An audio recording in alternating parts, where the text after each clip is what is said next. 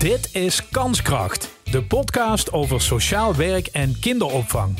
Een idee van MIC en PIW Groep. Ik ben Ruud Kleinen en vandaag praat ik met... Oeshi Prek en ik ben directeur bij de Quiet Community Maastricht. Even over jou eh, persoonlijk, Oeshi, welkom trouwens. Um, je hebt een achtergrond in de bedrijfskunde, heb ik ergens gelezen. Ja. Dan is dit wel nogal een stap, of niet? Uh, ja, dat is nogal een stap. Maar uh, ja, ik denk net zoals heel veel mensen die een opleiding doen. Uh, ik ben er nooit echt in terecht gekomen. Ik ben heel snel wel van projectmanagement mijn eigen bedrijf gestart. En daarin voor mezelf voorgenomen. Ik wil alleen maar dingen doen die ik leuk vind. En daarnaast wil ik graag maatschappelijke doelen. als ik daar iets voor kan doen, dan, uh, dan wil ik dat graag in mijn project uh, opnemen. En het liefst nog uh, met iets cultureels. Armoede? Ja. Dan, dan zit je in Maastricht, daar wil ik toch even mee beginnen. Uh, Oesje, als je dat goed vindt, heeft toch niet echt het imago van, nou ja, daar, daar, daar, daar tiert de armoede welig. Want het is allemaal dure winkels en de huurprijzen Chic en de huizenprijzen. Ja. ja. En daar zit jij in de armoede. Is, is het lastig om daar aandacht op te vestigen, net in Maastricht?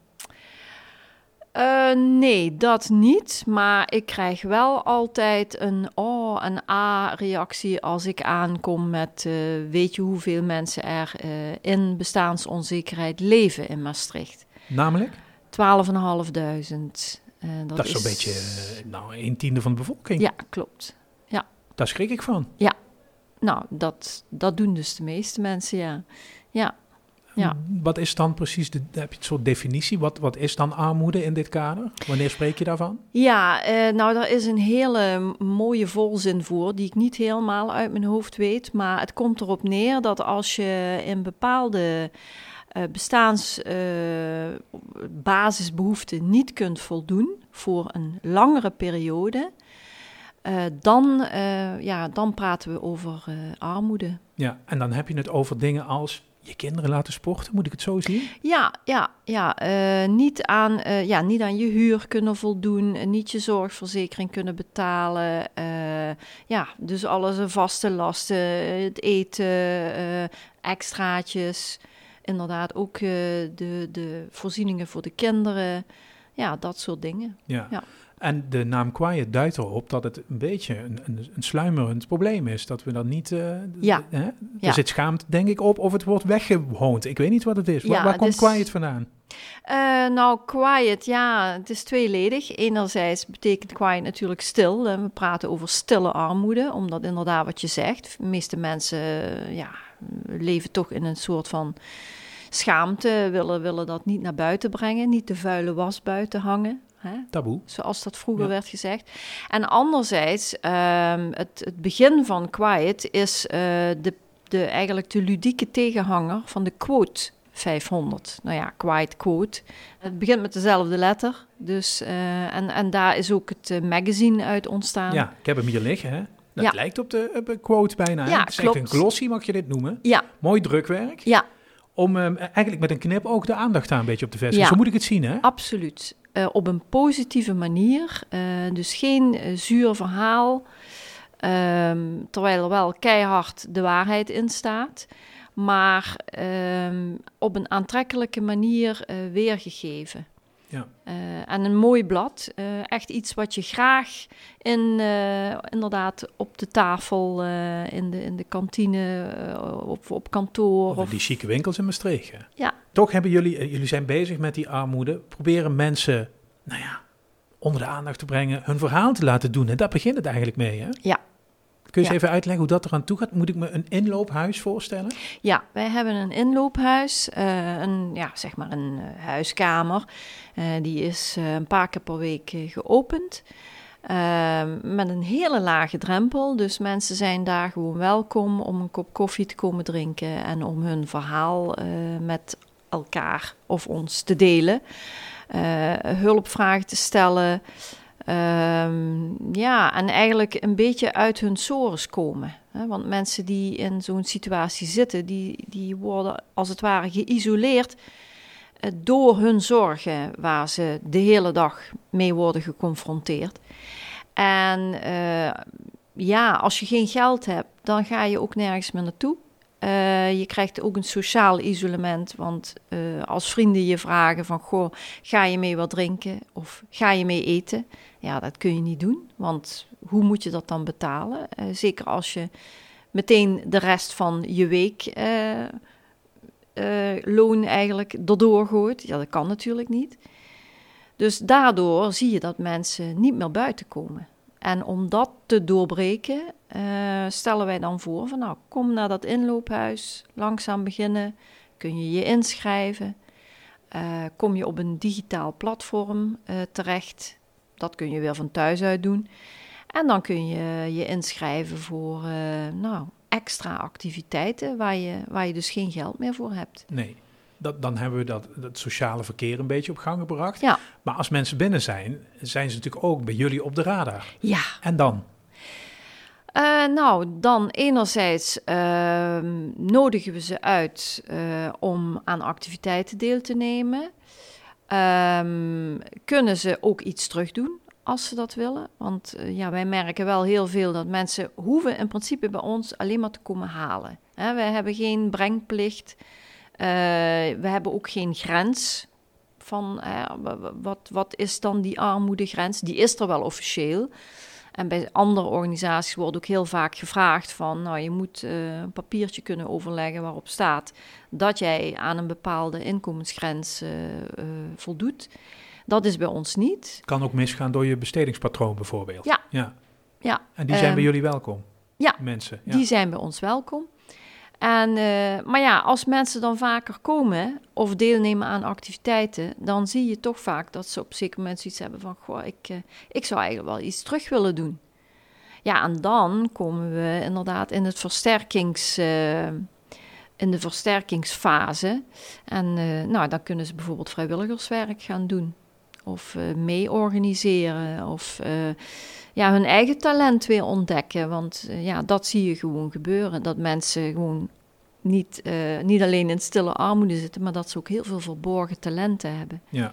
Dus het idee is, ze gaan bij jullie meedraaien, meedenken. Mm -hmm. uh, ze zijn een soort van ervaringsdeskundigen, zou je mm -hmm. kunnen zeggen. Dus altijd aanraakbaar hè? Ja. voor mensen die binnenstappen. Ja. En dan krijg je een beetje een beeld wat ze kunnen. Doen jullie daar ook nog wat mee? Zeggen jullie van, je moet daar naartoe bellen, want daar kan jij je talent gaan ontplooien. Daar is geld voor een opleiding, dat soort dingen. Uh, nee, doen we niet meteen. Um, het is niet zo dat, dat ze dan een traject ingaan of zo. Dat, dat is echt iets voor andere organisaties. Hmm. We kunnen wel zeggen, goh, wij denken en we hebben een contact daar en daar. En dan kunnen we je aan de hand pakken en naar de voordeur brengen. Maar aanbellen moet je zelf. Dus de, het gaat wel tot zover. Uh, maar um, ja, goed, het, het zou wel kunnen zijn dat je, dat je mee gaat kijken. Uh, tot zover in ieder geval wat ze zouden kunnen doen daarmee. Als ze zelf verder willen daarmee. Ja. Uh, maar het kan ook zo zijn, uh, we werken bijvoorbeeld met de sociale dienst samen en daar zijn mensen vaak ook in beeld.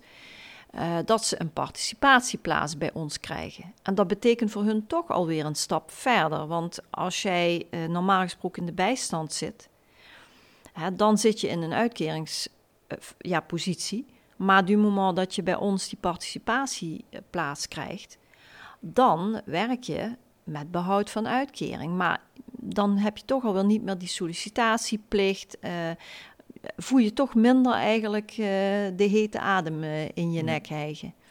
Uh, hoe lang komen de mensen zo'n beetje bij jullie? Oesje, kan je dat, kan je dat zeggen? Um, het idee is natuurlijk dat ze er uiteindelijk ja, overheen eigenlijk groeien. wel. Ja. Uh, maar dat moet ik nuanceren, want uh, je hebt verschillende soorten bestaansonzekerheid.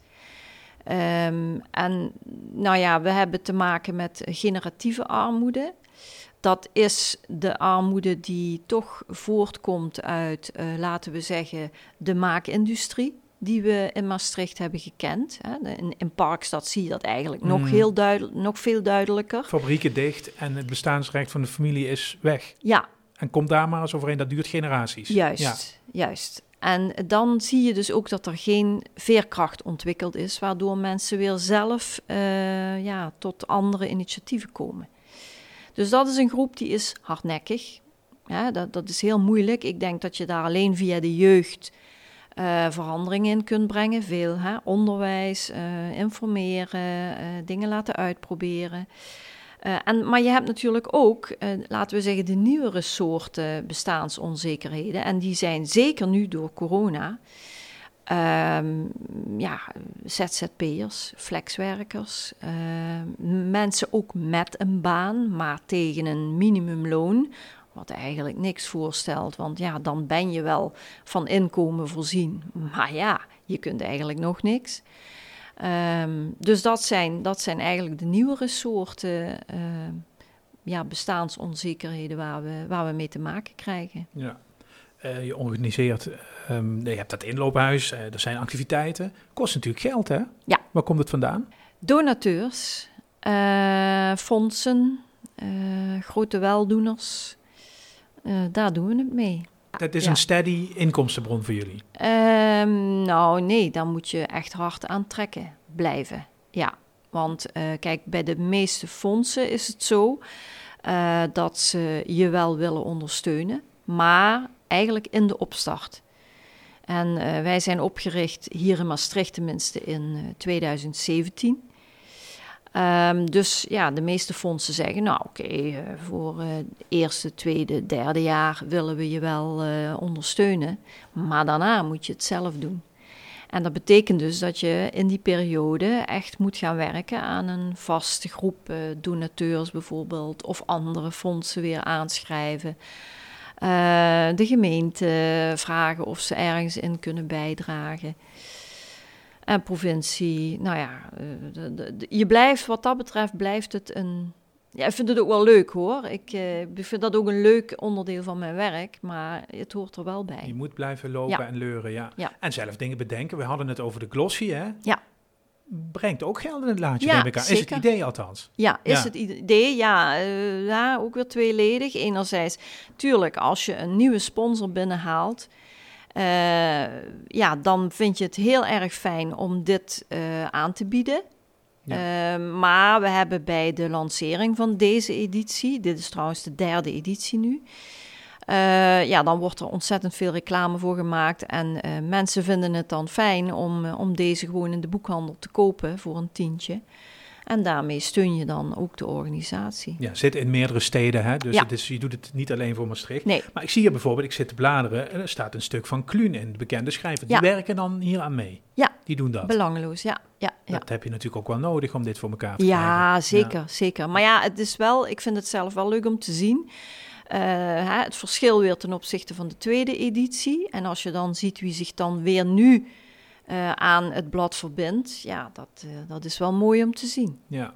Je had het net over het bin- binnenhalen van dat geld. En dat blad is een van de dingen die daar op bedacht zijn. Maar we Mm. zitten natuurlijk ehm, stiekem, zou ik bijna zeggen, in een coronacrisis. Ja. Bedrijven krijgen steun nu om de deur überhaupt open te kunnen maken, Ja. weer als het mag. Ja. Merken jullie dat gelijk? Ja, we hebben dat eh, zeker in het begin hebben we dat ontzettend eh, gemerkt. Want kijk, een deel van onze eh, sponsoring, dat zijn de lokale ondernemers. En ehm, dat zijn overigens wel producten en diensten. Hè? Dus dat is de Natura-sponsoring.